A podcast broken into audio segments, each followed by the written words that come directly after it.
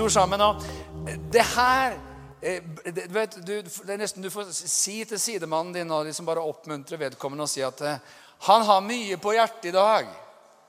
Ja, han har mye på hjertet i dag, bare så du vet det. Det er litt sånn Han har mye på hjertet i dag. Ja.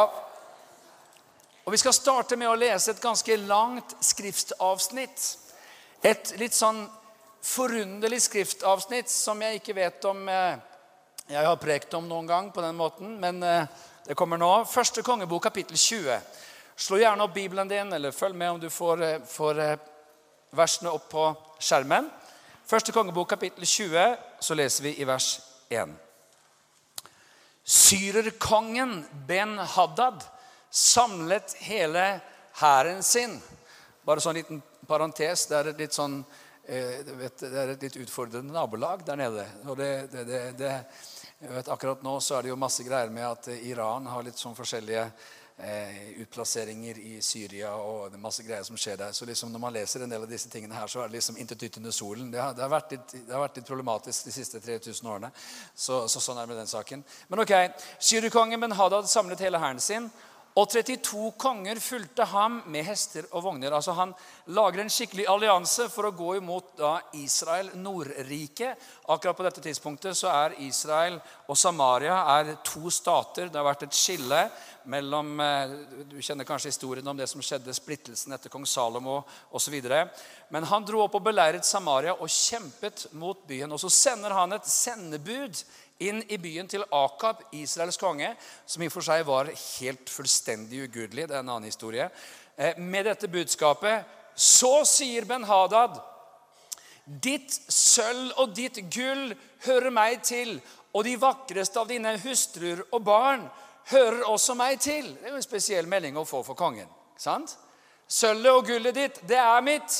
Og dine koner, de hadde mange, de er også mine. Og så svarer jo Israels konge det mest utrolige. Det er jo helt gåtefullt, dette. Det er som du sier, min herre konge. Jeg og alt hva mitt er, hører deg til. Det er liksom akkurat som det ligger en sånn Ja, men uh, dette må jo bare være retorikk. Dette er bare en måte man, måte man snakker på. Dette er liksom bare en sånn allmenn uttalelse. Ja, ja, selvfølgelig. Mitt er ditt, og ja, jeg er din, og tarada. Men, men, men allikevel så var dette en uttalelse som bundet i frykt. Fordi at Syrias konge har alliert seg med 32 konger. Det er ganske heftig. Det er en svær hær, en svær armé, som nå går i møte med Israel. Og, og, og, så, og, Akab, som jo er en ugudelig konge, han, han, han, han, eh, forfølger jo profeten og han gjør alt mulig. Han er gift med Jesabel, og det er en ganske en spesiell greie. Han, han Ut ifra en slags sånn posisjon av, av frykt og, og, liksom at han ikke vil sette seg opp imot Istedenfor å si 'Nei, sånn er det ikke'. Syrias konge. Hva holder du på med? Ikke sant? Så svarer han litt sånn diplomatisk. Ja, ja, jo, det er selvfølgelig Ja, jo, helt så klart. Ja, alt, jeg og alt var mitt der, hører deg til. Men så kommer sendebudene igjen og sier Så sier Ben-Hadad Hvis du kan ha den skjermen der på, så er det også veldig fint. Så sier Ben-Hadad, jeg sendte bud til deg og sa ditt sølv og ditt gull og dine hustruer og dine barn skal du gi meg. Jeg skal ha ungene dine. Hva i alle dager er dette her? I morgen ved denne tiden sender jeg mine tjenere til deg. De skal ransake ditt hus og dine tjeneres hus, og alt som er i dine øynes lyst, skal de ta og føre bort med seg. Da tenker Israels konge jeg har et problem. Dette her er utfordrende. Dette er ikke bra. Han kalte til seg alle landets eldste og sa, nå kan dere vel klart se at han bare vil ha sånt. Med andre ord, han mener virkelig det han sier. Han sendte bud til meg og krevde mine hustruer og mine barn og mitt sølv og mitt gull. Og jeg nektet ham det ikke. Og så er det mer trøkk i folket egentlig, og de eldste enn i kongen. For da sa hele folket og de eldste til ham, du må ikke høre på ham og ikke gi etter. Det er akkurat som fornuften kommer fra folket her og sier, 'Konge, ikke hør på han, og for all del, ikke gi etter, ikke fir en tomme.' Ok, da styrkes kongen, han får mot, og så sier han til Ben-Hadads sendebud, 'Si til min herre kongen, alt det først alt det du første gangen sendte bud til din tjener om, vil jeg gjøre, men dette kan jeg ikke gjøre. Eh, hva som er forskjellen på det første budet og det andre budet, må jeg helt ærlig bekjenne at jeg synes det er veldig vanskelig å skjønne. Eh, men, men det, første, det, var liksom greit. Kanskje liksom den første allmenne hilsen om at ja, det, det jeg har, det hører deg til, og ja, det er helt sånn fint. Det høres ut som, som, nordmenn som begynner å liksom rygge litt for første paragrafen i en endret lovgivning. Eh, men så, så kommer man liksom dit hvor man ja, men du mener jo alvor med dette her. Det her får jo store konsekvenser. Det her kan jeg ikke gjøre. Med dette svaret sendte, eh, vendte sendebudene tilbake til han. Da sendte Ben-Hadad igjen bud til ham og sa:" Måtte gudene la det gå deg ille både nå og siden, om Samarias støv skal kunne fylle nevene på alt det folket som er i mitt følge. Med andre ord, vi skal knuse deg. Vi skal fullstendig tilintetgjøre deg. Da svarte Israels konge og sa, si til ham, ikke skulle den som binder sverdet på seg, rose seg lik den som løser det av seg. Det er akkurat som han fylles med litt mot her nå, kongen. Han sier altså eh, nå må ikke du snakke som om du alt har vunnet striden. Da Ben-Hadad hørte dette svaret, eh, mens han selv og kongene satt og drakk i løvhyttene, sa han til mennene sine, 'Still dere opp!' Og de stilte seg opp mot byen. Da trådte en profet framfor Akab, Israels konge, og sa, 'Så sier Herren. Ser du hele denne store mengden? Jeg gir dem i dag i din hånd, og du skal kjenne at jeg er Herren. Akab spurte, ved hvem? Han svarte, så sier Herren, ved landshøvdingenes unge menn. Så svarte han, hvem skal begynne striden? Han svarte, du selv. Så mønstret han landshøvdingens unge menn. De var 232. Etter dem mønstret han alt folket, alle Israels barn, 7000 mann. De dro ut om middagen mens Ben-Hadad satt og drakk seg drukken i løvhyttene med de 32 kongene som var kommet ham til hjelp. Landshøvdingens unge menn dro først ut. Ben-Hadad sendte folk ut for å speide, og de meldte ham at de hadde dratt krigsfolk ut fra Samaria. Da sa han, enten de nå har dratt ut i fredelig ærend, eller de har dratt ut til strid, så grip dem levende. Så dro de da ut fra byen, landshøvdingenes unge menn og hæren som fulgte dem. Og de hogg ned hver sin mann. Syrerne flyktet, og Israel forfulgte dem. Og Ben-Hadad, kongen i Syria, slapp unna på en hest sammen med noen ryttere. Så dro Israels konge ut og slo hestene og stridsvognene, så det ble et stort mannefall blant syrerne. Da trådte profeten fram til Israels konge og sa til ham.: Gå nå i gang med å ruste deg, og tenk vel over hva du skal gjøre, for til neste år drar kongen i Syria igjen imot deg. Hva er det vi ser her? Jo, vi ser at hele bildet skifter. Hele situasjonen skifter fra at Israels konge skjelver i buksene, tenker 'Hva skjer nå? Hva skal jeg gjøre nå?' Han truer. Han vil ta det som er mitt. Så, så skjer det noe med Israels konge, og, og, de reiser seg, og Gud kommer med, med, med, med hjelp til dem gjennom profetenes ord. Og så står de imot, og så er det fienden som flykter. Det er fienden som er på dør. Og Samtidig så, så, kommer profeten og sier ok, du har vunnet en seier, men det kommer til å komme nye angrep, så bare vær beredt på hva du skal gjøre. Og Det som er overskriften på prekena mi, det er kanskje en preken som du ikke har hørt så mange ganger, men det er 'Gjenreis kampviljen'. Kampviljen, altså 'fighting spirit', sier man på engelsk. Du vet, det er så viktig at man har en sånn vilje til å kjempe. Og det er akkurat som det er noe av det som skjer her. At liksom i første runde så finnes det ingen vilje til å kjempe, det finnes ingen vilje til å stride. Man, man vil unngå konfrontasjon for hvilken pris som helst. Ja, men det her kommer sikkert til å gå bra. og liksom, ja, ja, ja, Bare hils Ben-Hadad og si at ja, selvfølgelig, alt ditt er mitt. og da, da, da, da. Bare prøver å sno seg. Han vil ikke ha en åpen konfrontasjon, for han vet at det, det er liksom, ja, men det her går sikkert over. Han mener sikkert ikke alvor. Det her går sikkert greit. Det får bare skure å gå, dette her. Vi prøver å liksom få dette her til å parkeres gjennom diplomatiske vendinger. Istedenfor å si nei, vi skal kjempe. Og så kjempet de allikevel. da, Halleluja. Hva er poenget her? Jo, det er en kamp om våre liv. Det er en kamp om våre ekteskap. Det er en kamp om våre barn. Det en kamp, kan være en kamp om vår tjeneste. Det kan være en kamp om en menighet. Det kan være en kamp om din framtid. Det kan være en kamp om landet vårt, om framtiden til et land. Og vet du hva? Vi har ikke skjebnetro. Vi tenker ikke at alt det som skjer, er Guds vilje. Vi har tro på Gud. Amen. Men det er interessant å se liksom, hvordan arbeider egentlig fienden. Hvordan arbeider han egentlig? Og Man kan også se dette i en åndelig forstand. At Ben-Hadad her han er som et eksempel på den ånde som som vil angripe de Guds utvalgte folk. Og I 2. Korinterbrev kapittel 2 vers 11 så står det følgende skal, For at vi ikke skal bli overlistet av Satan for hva han har i sinne, det er vi ikke uvitende om. Du vet, det interessante er at Av og til som kristne så har vi liksom en tendens til å gå fra den ene grøfta til den andre og liksom eh, overbetone visse ting eller underbetone visse ting. Eh, og det, er jo ikke sånn at vi liksom går rundt og tenker på djevelen hver dag. på den måten. Vi, vi, vi, har blikket festet på Jesus, sånn som Guds ord forteller oss om. Vi går rundt og er Jesus-fokusert, Jesus-sentrert. Kristus i oss, håp om herlighet. Vi, vi lever i samfunn med Gud. Samtidig så er det sånn at vi er ikke uvitende om at sånn som det står her, at den onde har planer, den onde har sine hensikter og arbeider aktivt for å ødelegge. Sånn som det står i Efeserbrevet kapittel 6 også. Vi kan lese det avsnittet sammen. Efeserbrevet 6 og vers 10. Vi har faktisk ikke kamp mot kjøtt og blod, men vi har kamp, og det står følgende For øvrig bli sterke i Herren og i Hans veldige kraft. Ta på dere Guds fulle rustning, så dere kan holde stand mot djevelens listige angrep. For vi har ikke kamp mot kjøtt og blod, men mot maktene, mot myndighetene, mot verdens herskere i dette mørket, mot åndskapens ånde her i himmelrommet. Ta derfor Guds fulle rustning på, så dere kan gjøre motstand på den onde dag og bli stående etter å ha overvunnet alt. Jeg syns det er herlig.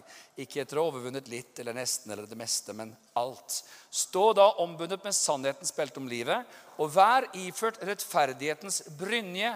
Ha som sko på føttene den beredskap som fredens evangelium gir. Grip fremfor alt troens skjold, så dere kan slukke alle den åndes brennende piler med. Ta frelsens hjelm og åndens sverd, som er Guds ord. Be til enhver tid i ånden med all bønn og påkallelse. Vær årvåken i dette. Med all utholdenhet i bønn for alle de hellige.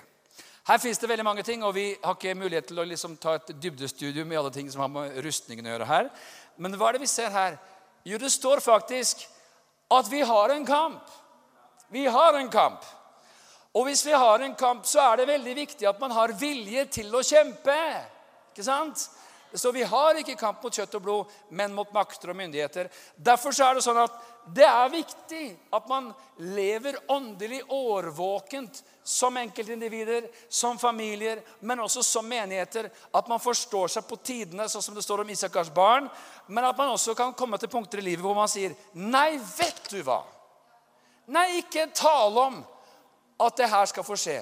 At man kjenner nå forstår jeg, og nå ser jeg, og nå innser jeg at jeg befinner meg midt i en åndelig kamp. Jeg skal si noe som virker som litt sånn selvmotsigelse her innimellom, men som ikke er det, fordi det dreier seg egentlig om livets helhet.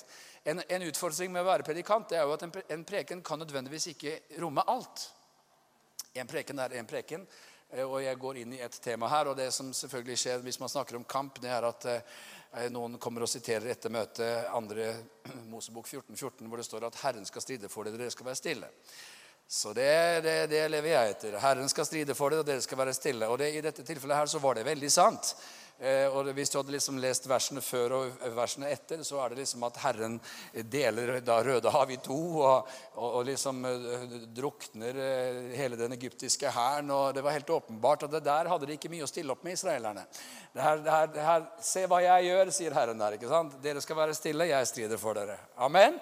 Men med det verset der er liksom ikke eh, hva skal du si, det som er overskriften i alle livs, livssituasjoner, i alle sammenhenger, til alle tider.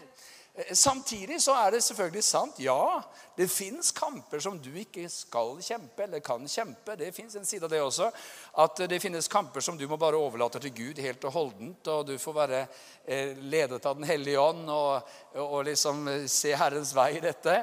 Men det utelukker ikke at vi ikke må gjenreise kampviljen, for det er så viktig å ikke la tyven komme inn og stjele. Sånn som Johannes 10.10 sier. Tyven kommer bare for å stjele, myrde og ødelegge. Jeg er kommet for at de skal ha liv og ha overflod. La meg bruke et litt sånn ekstremt og banalt eksempel, bare sånn for å illustrere. For spørsmålet er litt sånn Hvor går egentlig grensen? Ikke sant? La oss se for seg at, at du, du, du, ligger og du, du sovna på sofaen istedenfor at du, du kom deg aldri til seng. Sånn, du sovna på sofaen, og du liksom sånn, og så hører du at det knirker liksom litt, og så er det liksom en som lirker opp en dør, og så er det en innbruddstyv som er på vei inn i ditt hus, og du liksom gløtter litt med, med ene øyet og ser at det er en fyr på gang der, men det er mørkt, og han ser ikke deg, og du ligger under et teppe og forskjellig sånt. Og så, og så ser du Oi, det er en innbruddstyv. Ja, dette var jo ikke bra. Men det er klart at eh, det kan jo bli mye bråk også. hvis Man, man vet jo aldri hva sånne innbruddstyver kan få seg til å gjøre. Så ja at han tar akkurat den vasen der, det kan jeg leve med. Altså, det var jo en gave fra svigermor. Og det er klart at det, jeg har egentlig aldri likt den vasen så veldig godt. Det, så den, den, den, det går greit. Det går greit. Sølvtøyet det er ikke så bra, for det er klart det representerer jo en stor verdi. Så når jeg ser jo nå at han tar sølvtøy, og det, det, det er klart. Men det er klart, på den annen side, jeg bruker det sjelden. Altså julaften og du vet 17. mai Men jeg bruker jo som regel det her vanlige bestikket. ikke sant? Så det er klart, dette, var, dette er å krysse en grense i forhold til verdier, og sånn, men det er klart jeg kan leve med det.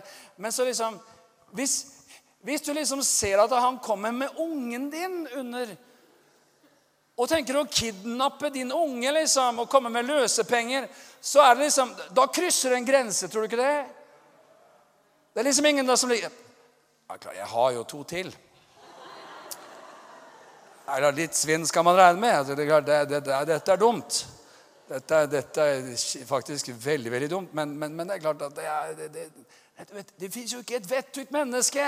Jeg mener, på et eller annet tidspunkt så krysser en grense ikke sant? når tyven prøver å stjele. Hvor du bare ikke tenker Nei, vet du hva? Dette er uakseptabelt. Og da resonnerer du ikke lenger sånn at ja, men Får dette her noen konsekvenser for meg? Blir dette dumt for meg hvis jeg griper inn nå?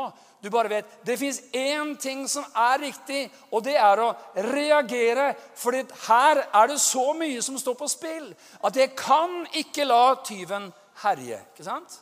Jeg vet, Et ekstremt eksempel, men bare for å illustrere at jeg tror at det kan være sånn også i livet, i samfunnet, i tilværelsen, at man kommer til et punkt hvor man faktisk tenker og må tenke nok er nok. Det her går ikke. Dette er uakseptabelt. Dette får ikke tyven lov til å stjele. Ikke sant?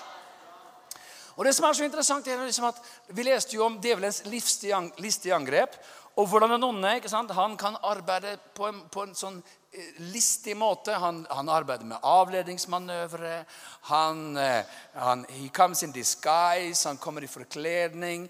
Han ønsker å passivisere oss ikke sant? og på en måte lulle oss inn i en eller annen greie hvor liksom ja, men Reager nå ikke, for konsekvensene er så store. ikke sant? La meg ta et historisk eksempel fra Europa. På mangel på kampvilje og Når vi leser dette her, eller jeg skal sitere noen sitater her nå, så bare tenker man hvordan i alle dager var det mulig? Men vet du hva, det er mulig på andre nivåer i vår tid. F.eks. i Europa så vet vi at første verdenskrig var forferdelig. Det, det krevde millioner av menneskeliv fra 1914 til 1918. Og så går det bare 15 år etter første verdenskrig, og så kommer Adolf Hitler til makten. Og Vi kjenner liksom til historien om hvordan han ruster opp ikke sant, og eh, holder på sånn, og bryter alle konvensjoner og alle avtaler som Tyskland har inngått, og, så videre, og Versailles-traktaten osv. Og så vet vi også at eh, de begynner å agitere i forhold til Tsjekkoslovakia, som var ett land på den tiden, for at det fins en stor tysk minoritet som ligger eh, på, på innsiden av Tsjekkoslovakia. Og så lar europeiske politikere eh, Hitler ta Tsjekkoslovakia helt og holdent og si ja, ja, ja, men altså det er klart at Han har jo liksom behov for et visst sånn lebensraum her nå. så vi liksom, det er klart at Hvis vi bare gir han det, så er han sikkert fornøyd. Sånn resonnerer europeiske politikere på den tiden.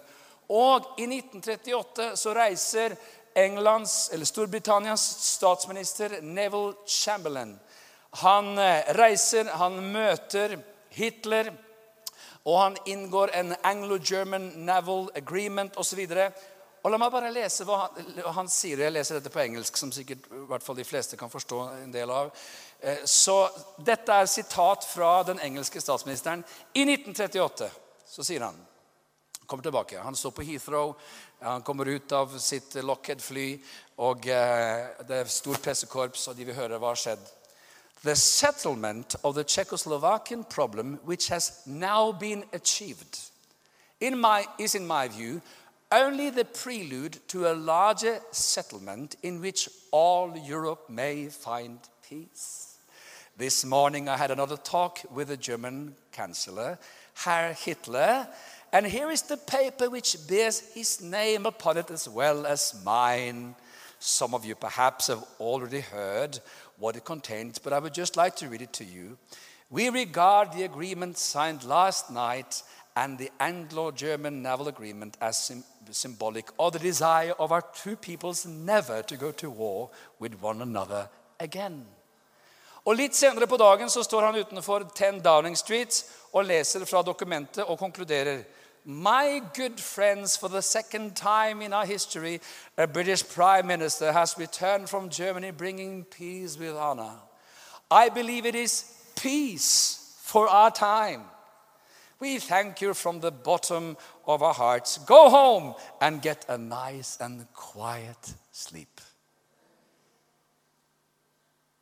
1938. Og så var det én engelsk politiker som raste alene, og som sa det her er løgn, det her er forførelse. Han var så upopulær. Han ble hysjet ned, han ble trykket ut, han ble marginalisert. For det passet liksom ikke inn i tidsånden, det Winston Churchill sto for. Han sa det fins én ting vi må gjøre. Det er å stå Hitler imot. og Det er å ruste opp og osv. osv. Ja, men kom igjen. You're a warmonger, you're a warmonger. Ikke sant? Hva er det her for noe? Jo, det var en sånn unnfallenhet i Neville Chamberlain til å kjempe, til å fighte. Det hadde vært så mange kamper. Man hadde første verdenskrig bak seg. Man hadde mistet så mange menn. Og man orket ikke tanken på enda flere kamper. Sant? Og det kan skje med oss også. At man tenker nei, nå har vært så, Det har vært så mange kamper, det har vært så mange fighter, det har vært så masse greier. Nå tar vi den enkleste utveien. Vi orker ikke å kjempe mer. Liksom, det får være litt sånn i fred og frihet og fordragelighet her nå. La oss bare for enhver pris beholde freden. Og Det er jo et veldig sånn dramatisk eksempel. Vi vet hva som skjedde, og at historien ble selvfølgelig helt annerledes. Men jeg mener til og med her i vårt eget land så kan man gjøre det motsatte av det man har som overbevisning for å bevare freden. Sant? Men vi har I vår ferske fortid i 2016 så stemte norske biskoper for det de var imot. For å bevare freden. Og fordi de hadde blitt presset så lenge. År etter år, måned etter måned. Ikke sant? På disse samme spørsmålene. Og da krysser man sine overbevisninger og stemmer for det man er imot. Og spørsmålet er jo dette Hvor langt skal det egentlig gå? I Guds rike, i Guds menighet, i oss, i våre hjerter, i en by, i et land, før man tenker Nei, vet du hva? Det her er uakseptabelt. Og Det kan være på veldig mange forskjellige nivåer. Det kan være at man tenker nei, vet du hva, det er ikke lenger akseptabelt at det skal vokse opp en ungdomsgenerasjon som ikke får høre evangeliet. Vi kan ikke leve med det. Det kan ikke fortsette som nå. Det må forandres. Noe må skje. Ikke sant? Og det kan være på et helt annet type plan også. At man tenker i forhold til et land at nei, vet du hva, det her er vi ikke med på. Det her går ikke. Dette er ikke, det er ikke There's no chance. There's no way. Bare tenk på de siste par dagene her. Du vet at når man kommer, Jeg har vært på reise siste uka og vært i Israel, vært i Tyskland, vært i Østerrike. og Man liksom oppdaterer seg litt i norske nyheter på veien hjem. og det er som man får hikka. altså. At når man vil ha pride-parader i norske barnehager Er det noen som har lest om det, noen som har fulgt med på det, noen som har sett debatten på det? Her er en, er en artikkel som jeg har saksa litt fra. Årets Pride-parade nærmer seg med stormskritt. Men noen steder er den allerede i gang. Flere av landets to-treåringer marsjerer med regnbueflagg for å feire homobevegelsen. Dette er Norge. Dette er vårt land i 2018. Dette er sykt. Dette er sykt. Men så det som skjer, det er at i våre ulike nasjoner så får vi sånne cultural blind spots. Derfor så var Det sånn at det var eh, det var en helt annen greie, selvfølgelig, men, men, men, men det var kristne i Sør-Afrika som var for apartheid, og som forsvarte det med bibelord. ikke sant? Det, det, det, var, var, det, var, folk som, kristne i USA som, som forsvarte raseskillet i størstatene med Bibelen i hånd. ikke sant? Akkurat som man forsvarte slaveriet. Altså, man, man, har blitt så sauset inn i en viss kultur og en viss tenkning at man ikke lenger klarer å se at dette her er helt riv ruskende galt. Det her er uakseptabelt. Og jeg tenker at på dette området her så er vi kommet inn i en situasjon i landet vårt hvor jeg tenker det her er helt uhørt. Det her, det her er faktisk helt ekstremt. Og så har vi heldigvis den som reiser seg opp her og sier eh, Vebjørn Selbekk, som sier jeg må si at dette er veldig tidlig. For to- og treåringer er dette en for tidlig introduksjon til voksenverden og voksenproblematikk, reagerer redaktør Vebjørn Selbekk. Så kommer NRK har vært i kontakt med en barnehage i Oslo som har arrangert sin egen pride. De sier de gjør det for å hylle mangfold. Dette er en politisk markering som ikke hører hjemme i barnehagen, sier Selbekk. Pride har vært en viktig politisk arena for å få gjennom homobevegelsens politiske mål. Man arrangerer heller ikke 1. mai-tog i barnehagen, sier Selbekk. Og Så kommer de da som gjør dette, som sier formidlet på en god måte. Tror jeg barn forstår hva det er. Rammeplanen sier at barnehagebarn skal lære Hør på dette her. Rammeplanen, Den norske rammeplanen for barnehager i Norge, statlig støttede, kommunalt drevet barnehager, sier at barnehagebarn skal lære om seksuell orientering. Det er viktig at barn lærer at det finnes forskjellige familiekonstellasjoner. Det er kvinner som er sammen med kvinner, og det er menn som er sammen med menn osv. Her kommer et sitat fra rammeplanen Barnehagen skal fremme likeverd og likestilling uavhengig av kjønn, funksjonsevne, seksuell orientering, kjønnsidentitet og kjønnsuttrykk, etnisitet, kultur, sosial status, språk, religion og livssyn. Barnehagen skal motvirke alle former for diskriminering og fremme nestekjærlighet. Høres veldig fint ut, hva? Så kommer en annen greie her. I motsetning til avdelingsdirektøren i Oslo-bydelen mener Foreningen FRI, Foreningen for kjønns- og seksualitetsmangfold, at pride også er en viktig politisk markering. Barnehager viser at de er enig i utviklingen i samfunnet. Og rammeplanen, som er det styrende dokumentet for barnehagen, sier Hilde Enger Arntzen, fungerende avdelingsleder i FRI. I bydel Østensjø fikk SV med seg et enstemmig bydelsutvalg på et vedtak om at alle barnehageansatte skal på kurs hos Foreningen for kjønns- og seksualitetsmangfold FRI. Nå er dette gitt resultat i form av en pride-markering. Vi kjenner til at flere barnehager arrangerer eller markerer pride. Det er kjempepositivt. Hvis man kritiserer at barnehager arrangerer dette, er man også kritisk til rammeplanen, mener Arntzen. Det står ikke at pride skal feires. Nei, det gjør det ikke. Men vi ser at dette er en kjempefin måte å markere at i denne barnehagen skal alle barn få lov til å være akkurat den de er med sine familier, sånn som den er, svarer Arntzen. Selbekk mener barnehagen ikke viser toleranse overfor familier som er uenig i homobevegelsens kampsaker. Det underkommuniseres, sier Selbekk da, hvor omstridt Pride-marsjen er. Det er også mange homofile som syns at den er for seksualisert og utagerende. La småbarn være småbarn. Voksenproblematikken kommer tidsnok, sier Selbekk. Jeg tenker så ofte jeg tvitrer. altså. Jeg ligger langt bak på Twitter, men jeg måtte tvitre en liten setning her i dag. og Det var Det her er statlig indoktrinering på sovjetisk vis. Det her er statlig, sekulær sharia. At man trykker ned sine meninger og sine holdninger over to og treåringer. De kan jo knapt snakke!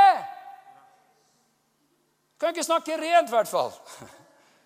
Treåring kanskje. Men kan du se for deg Og da Hva skal verden tenke om et land hvor barnehager, to- og treåringer, går rundt med regnbueflagg og markerer pride? Her er galskap satt i system. Men det som er greia, det er jo at man kan jo føle seg så maktesløs. ikke sant?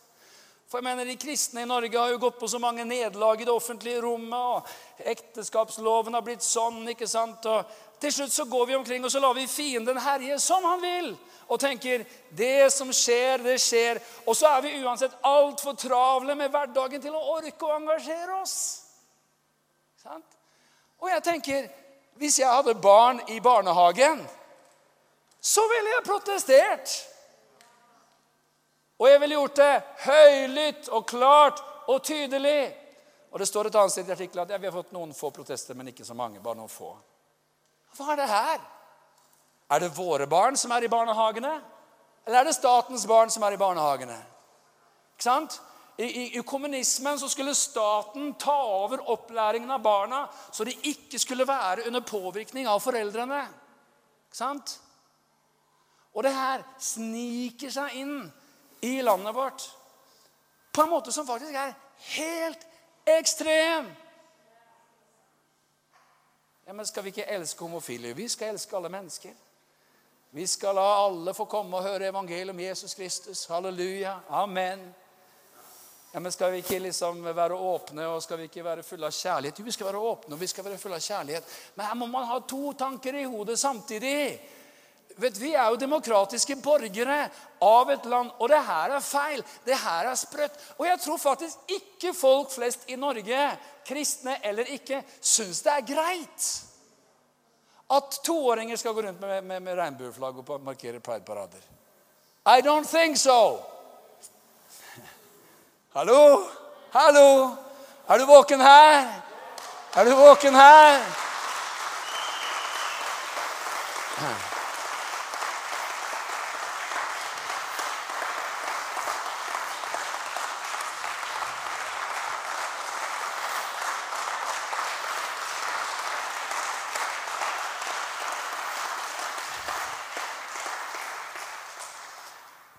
Jeg tenker at i det landet som vi bor i Halleluja! Gud signe vårt dyre fedreland. Det er mange sånne herlige fedrelandssanger. vet du. En av de, en av de som brukes, er denne herre eh, Fagert er landet du av oss ga. Der er det en setning som sier Kjem Og synger så fint, vet du. Kjem for alt hva du har kjært. Dø om så det gjelder. Ja, Men hvis jeg går ut imot det, og hvis jeg sier noe om det, hva får jeg oppleve da? Tenk om noen er da syns at jeg ikke sant? Og Så krymper vi, og så blir vi som sånne små, forsiktige, stille, grå mus. Ikke sant? La oss bare bevare freden for alt, alt i verden. Det går an å kjempe. Amen. Trenger man visdom? Aha. Trenger man kløktighet? Jo da. Men vet du hva? Det man tror på, det tror vi på, og det står vi for. Og Derfor er det en stor glede for meg å si dette i full offentlighet. Måtte mange høre prekenen på nettet. Måtte mange dele den og spre den rundt omkring i Norges land og rike. Hvorfor det? For det her står vi for. At det her er en uting som ikke fører med seg velsignelse for barn, for familier i det hele tatt. Og dette må forandres. Men det her er bare et eksempel på noe vi driver og snakker om i en større sammenheng. Altså viljen til å engasjere seg og viljen til å si 'Nei, vet du hva? Hit, men ikke lenger. Dette går ikke lenger.' Amen. Og det som skjer også da, ikke sant? når man opplever at det er nødstid, at det skjer noe i bønnene. Det står om Epafras i Kolossebrevet 4. Epafras, vers 12, som er en av deres egne, hilser dere. Han er en Kristi Jesu tjener som alltid strider for dere i sine bønner, for at dere skal stå fullkomne og fullvisse i all Guds vilje. For jeg gir ham det vitnesbyrdet at han har mye strev for dere og for dem som er i Laudikea og Hierapolis. Her fins en annen side. Du skjønner, Det å be, det å stå opp for å be, det å komme på bønnemøter, det å be for landet, rope til Gud om hjelp, om gjennombrudd, om vekkelse, om forandring, når alt egentlig ser ut til å gå i motsatt retning, det er å gjenreise kampviljen. Det er å si Nei, vet du hva? Vi tror på den Gud som hører bønn. Vi tror at når vi ber, så beveges de hender som kan forandre verden. Vi tror at det fins makt i bønn. Vi tror at den rettferdige manns bønn har stor kraft og virksomhet. Amen. Ja, men skjer det noe når vi ber? Ja, det skal jeg si deg det gjør. altså. Det skal jeg si det gjør. Det er fantastisk at de mest utrolige ting kan skje når vi ber. Amen. Jeg husker i 1982, da jeg var 12 år gammel, så ble det lansert en 24-7-årig bønnekampanje over hele verden for at jernteppet skulle falle. Og for at kommunismens grep over nasjoner i Europa og i tidligere Sovjet skulle gå i hop. Og vet du hva? Syv år senere, nøyaktig i 1989, så skjer det ingen kunne tro kunne skje. Og Lauren Cunningham han profeterte om det noen, noen, noen, bare kort tid før. The iron curtain will fall. The iron curtain will fall. Det er jo like fjernt som om vi skulle si at New York vil opphøre. Altså, det, det, det, det var så fjernt da jeg vokste opp. Men det var så kraftig bønn. Halleluja! Og vi kan, ja, men Gud bruker jo mennesker, selvfølgelig. Mikhail, Gorbatsjov og Glasnost og Perestrojka. Men det var noe som forløste det. Det var en kraft som ble forløst i Gud. Amen. Det var noen som ropte til Gud dag og natt. Let that iron curtain fall down. And it did. Derfor så fins det ingenting som den onde frykter mer enn at Guds folk begynner å be. Og vet du, Det fins situasjoner hvor det ikke er så mye du kan få sagt. Det fins tilfeller hvor det ikke er så veldig mye du kan få gjort. Det fins til og med situasjoner hvor det å snakke gjør mer skade enn gagn. Det kan være en familiesituasjon som er fastlåst. For eksempel. det kan være i et land, et land som har skjedd. Ja, men Skal jeg bare akseptere det er sånn det er, da? Nei. Du skal bruke deg av ditt aller sterkeste våpen. Ned på kne. Amen. Søke Gud. Og dette var det her som den enka hadde i seg. vet du, I Lukas kapittel 18, ikke sant, hvor du har lignelsen om den urettferdige dommeren. Han sa en lignelse til dem. Dette er Jesus som taler om at de alltid burde be og ikke bli trette.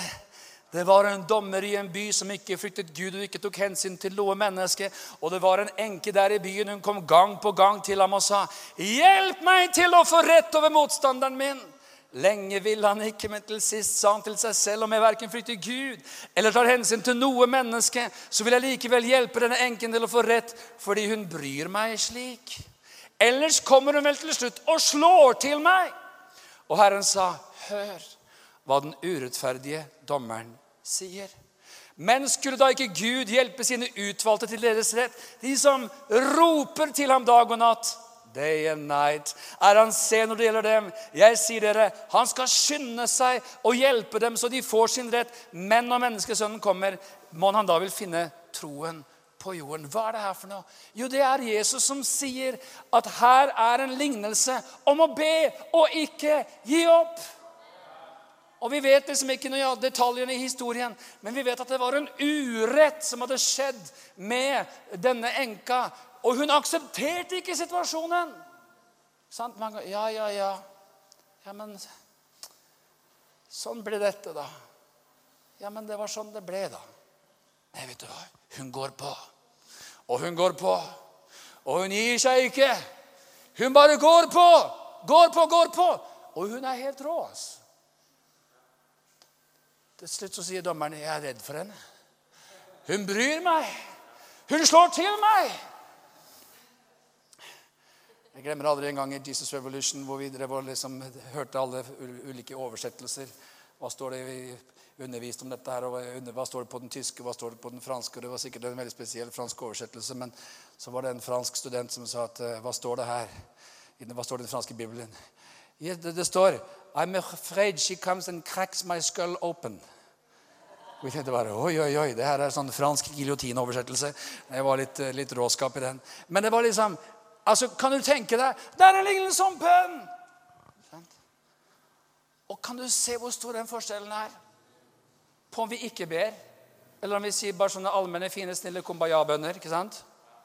Eller om vi står her på morgenen, om vi er én eller to eller tre eller fem eller ti, og sier Herre himmelens Gud, se nåde til vårt land. Må du komme med nåde, må du komme med vekkelse, må du komme med forandring. Må du utgyte din ånd, må du vekke ditt folk, Herre. Vekk ditt folk, Herre. La ditt folk få komme på sitt ansikt. For du har sagt i ditt eget ord at om ditt folk som er kalt ved ditt navn, ydmyker seg og ber og påkaller ditt navn, så vil du komme. Så vil du lege vårt land. Så vil du helbrede. Om vi gjør sånn i ett år, år, tre år, fem år. It's like standing there with a chisel. It's like standing there with a hammer. And that wall is going to come down. Amen.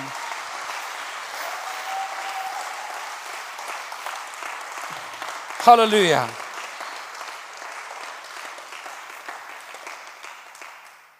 Og det her gjelder på område etter område etter område. Amen. Det hele er ditt ekteskap. Ja, nei, Det kan se ut som det går den samme veien med oss som det går med mange. Det, det ser ikke ut som vi kommer til å klare å holde sammen. Vi har vokst fra hverandre. Jeg vet at det er krig der ute. Det er derfor jeg snakker om kamp. Men du skal ikke la sånne tanker forfylle ditt indre. Om din mann eller kone har gått fra deg, og det, livet er sånn som det er, så sier jeg ikke dette her for å trykke deg ned et sekund. Vi lever i livets realiteter. Men du kan være i en helt annen situasjon. Og så kan du stilltiende og sakte, men sikkert begynne å akseptere at ja, ja, det er jo Jeg ser jo det blir sånn, og jeg har sett at den predikanten skilte seg og giftet seg igjen, og Gud er jo nådig, og det er klart at det sånn, Istedenfor å kjempe. Istedenfor å bare tenke Nei, vet du hva? Nei, vet du hva? Jeg skal kjempe for mitt ekteskap. Vet du at Om du kjemper for ditt ekteskap som du kjempet for å vinne henne en gang, vet du. Så vet du ikke hva som vil skje. Sant? Og det noen sier ja, men aksepter at det er sånn det er. Du får det mye bedre. Slipper disse endeløse kranglene osv. Da får du sitere Salme 91,7. vet du. Om tusen faller, om tusen ekteskap faller ved din side, og 10 000 ved din høyre hånd Til meg skal det ikke nå! Amen! Til meg skal det ikke nå! Halleluja! Amen! Så får du begynne å tale sånne nye, herlige, skapende, sterke, livgivende ord. Vi skal bli gamle sammen, du og jeg. Mm gamle, skrukkete og fine. Og jeg skal elske deg mer og mer og mer for hvert år som går. Amen! Og du blir vakrere og vakrere og vakrere. Amen! Vet du hva? Vi tror at det er mulig å skape forandring. Kan du tenke deg hva som har skjedd også i samfunnslivet? Kan du tenke deg At det er en Martin Luther King som bare utfordrer det umulige? At det er en Nelson Mandela som, som sitter i fangenskap i 27 år? Og de fleste årene på Robben Island i grusomme forhold. Og som ikke gir seg. Og som kommer ut av fengsel og fangenskap uten bitterhet. Og som tilgir fiendene sine og som ser at drømmen går i oppfyllelse. Kan du tenke deg? Kan du tenke deg en William Wilberforce som har kjemper for avskaffelse av slaveriet, og som har nederlag etter nederlag etter nederlag i Underhuset, i Overhuset, i England, i avstemninger. Og det bare er mot alle odds, for det er så sterke krefter, og det er så svær økonomi, og det er så mye arbeidsplasser, og det er så mange rike herrer med så mye makt. Og rett før han dør rett noen uker før han dør, så går det igjennom. Og slaveri ble avskaffet. Wow! Vi skal ikke gi oss så lett. Du skal ikke gi deg så lett. Må Herren få vekke opp kampviljen, om det er i livet ditt, om det er i økonomien din, om det er i ekteskap, om det er i familien. Whatever it is. Rise up and fight. Amen. Amen. Amen. Det fins ingenting som ikke kan forandres. Det er løgner ifra den onde. Så ja, men det her, er, det her er løpet kjørt. Nei, det her er løpet ikke kjørt. Halleluja. Det er mulig å se forandring. Amen. Halleluja. Vet, av og til så er det, den, det står om den djevelens onde, onde angrep eller slue angrep. du vet. Av og til så skjønner vi at den onde er på ferde, vet du, for det er, så, det er så tydelig. Sånne lynangrep. Sånn, Oi! Wow, dette må være den onde. Men så har han en annen taktikk som er så mye vanskeligere å få øye på. Og det er utmattelseskrig.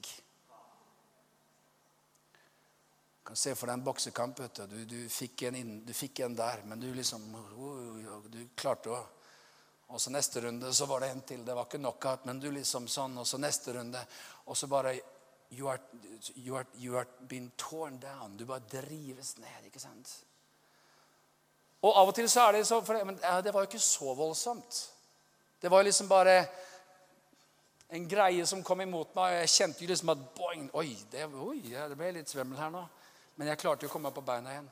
Og så går det en måned til, og så Oi, oi, oi. Og så går det en måned til, og så brytes du ned. Så brytes motstanden sakte, men sikkert ned. Og vet du hva? Sånn kan han jobbe i årevis. Og plutselig så er det som vi får sånne aha-opplevelser hvor rullegardina går opp, og man tenker Nei, vet du hva? Hva er det som skjer? Hva i alle dager er det som skjer? Det her er uakseptabelt! Og så reiser vi oss opp imot motstanden. Ja, Men skal vi reise oss opp, da? Vet, av og til så kan man bli så sliten og så lei at man ikke verken gidder eller orker å kjempe. Og da er resignasjonen der. Men den er så mye vanskeligere å få øye på enn en knockout. Men den er like reell. Den er like virkelig. Ja, jeg visste det vel, sa jeg når jeg kom hit. så det er, her, det er typisk det. Det er sånn bare kamp og stridigheter. Og det er, det er full krig AS, liksom. Nei, vet du, Vi tror på en tilværelse hvor det finnes en hvile Gud. Hvor det finnes en fred som overgår all forstand. Et liv der gleden i vår Herren er vår styrke. Vi er ikke anstrengte. Vi er ikke krampaktige. Og det er heller ikke sånn at alle kamper vi skal vinne, dreier seg om å raske sammen til en kort, intensiv kampanje i en eller annen retning. Det finnes kamper som bare kan vinnes om man jobber planmessig, bestemt, strategisk i 20 år. Ikke sant? Men han beholder kampviljen. Amen! En annen ting, og jeg er straks ferdig her Det fins tider hvor den største seieren er å stå. For trykket er der. Pushe deg bakover. Drive deg bakover. 1 cm, 2 cm, 3 cm. Litt etter litt etter litt. Det står tider hvor du kan tenke omstendighetene mine er kjipe. Det stormer i alle retninger. Ekteskapet, det halter. Det er vanskelig her, og det er vanskelig der, og jeg kjenner trykk på alle kanter. Men jeg står. Bra. Veldig bra.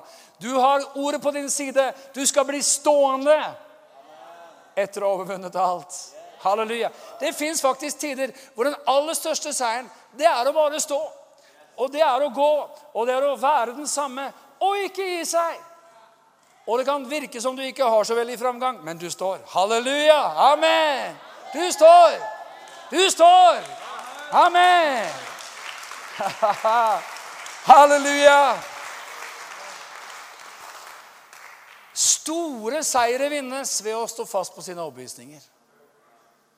Men av og til når noen som kommer, så synger vi feil sang.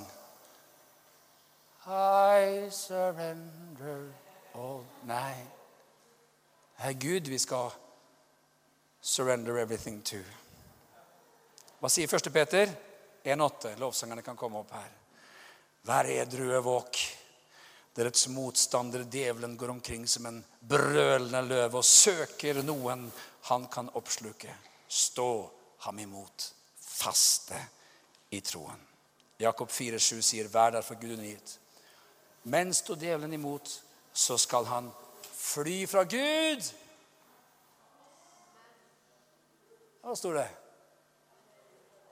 Så skal han fly fra dere. Skjønner du, Her er det viktig å se. Det er du som skal stå fast. Det er du som skal stå imot. Det er du som skal holde fast på ordet, på løftene. Så skal han fly fra deg. Lille meg. Den onde kan vel ikke fly fra lille meg? Men jeg skjønner at i lille deg og lille meg så bor den store Herre Jesus Kristus. Amen. Og det blir som den herre Naturfilmen som du kanskje har sett, vet du, som gikk på kino for år og dag siden. Helaftens greie hvor den lille, lille bjørnen vet du, kopierer mamma. ikke sant? Grizzly mamma når rovdyret kommer imot. Og store er øynene på bjørnen når det her pumaen eller hva det er, bare bøyer seg ned og tusker av gårde med halen mellom bena. Og den lille bjørnen tenker bare Wow, this thing works. Og så snur, Det er fantastisk hvis du ikke har sett det. må se det. Og så, så snur denne lille bjørnen seg. Det har de filmet, altså. Og der står liksom 3 meter og 50 Grizzly-mamma. Ok. Ok. Og du vet, det, Sånn er det. vet du. Han som er i dere, er større enn han som er i verden. Amen. Og han har gitt oss det navn som er over alle andre navn. Det navn som er over motløshet, det navn som er over forvirring, det navn som er over sånne, sånne, sånn mørke som kommer, osv.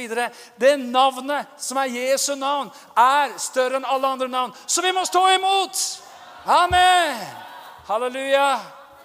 Amen. Av og til så hender det at vi må kalle inn forsterkninger. At vi må si at vet du hva, nå, nå tror jeg det går litt rundt for meg. Jeg, nå kjenner jeg at det er litt sånn heftig her. Kom og be. Kom og hjelp meg. Ikke, ikke, tenk at du skal kjempe alle kamper alene. Det herlige er at vi er en kropp. Amen. Kalles Kristi kropp. Halleluja. Og når ett lim lider, så lider de andre med. Så står vi sammen, så kjemper vi sammen, så strider vi sammen. La oss reise oss opp, alle sammen. Halleluja. Vet du at det, det her er et generelt budskap som som, som eh, Ikke at jeg skulle bare tale ut her. Og Det får være et budskap som ikke er liksom et budskap for en, en søndag, en preken ferdig, men som kan komme inn på så mange måter. Jeg kjenner ikke din situasjon, vet ikke hvordan dette her kan være, men jeg vet at det kan være så ulike felter. Hvor du kan bare kjenne at vet du hva? Det fins ting. Og det kan virke lite, eller det kan være stort. Jeg vet ikke. Hvor du bare kjenner vet du, jeg, jeg har liksom akseptert denne stillestanden for lenge. Eller akseptert den tilstanden for lenge. Eller akseptert den situasjonen for lenge. Og sånn kan det være i, i, i våre liv. ikke sant? Sånn kan det være i, i en menighet. At man tenker nei, vet du, det her har vi akseptert for lenge. Det her, må videre på det her, eller?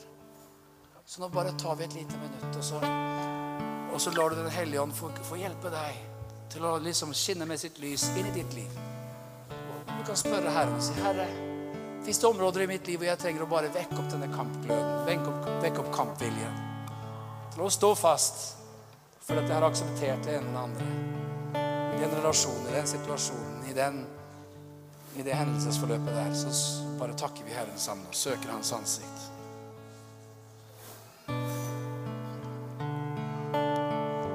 Herre Far i himmelen, her er vi. Dine er vi. Vi står innenfor ditt ansikt som dine sønner, som dine døtre, som dine barn. Du er jo den som virker i oss både å ville og virke til ditt gode behag. Og her og bare ber vi en enkel bønn sammen. At du skal la ditt lys få skinne inn i våre liv. At du skal la oss få se og forstå. Om det finnes ting, om det finnes områder som vi har akseptert så altfor lenge. Som har vært fått surre og gå men som sakte, men sikkert på ulike vis fører galt av sted, eller fører oss i, i, feil retning, eller som på et visst område av våre liv ikke er velbehagelig for deg, hva den skulle være. Om det er floker vi har akseptert, eller hvis det er ting som vi bare liksom blitt så vant til at vi har nesten blitt vant til å leve med det, selv om det egentlig ikke er så greit, så takker vi og priser deg, Herre Jesus. Amen. Halleluja for at du som er i oss, er større enn den som er i verden.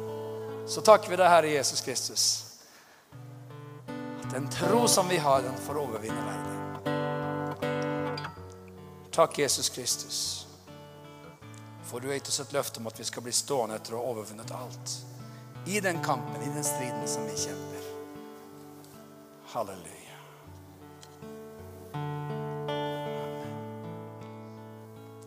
La oss her hvor vi står sammen, bare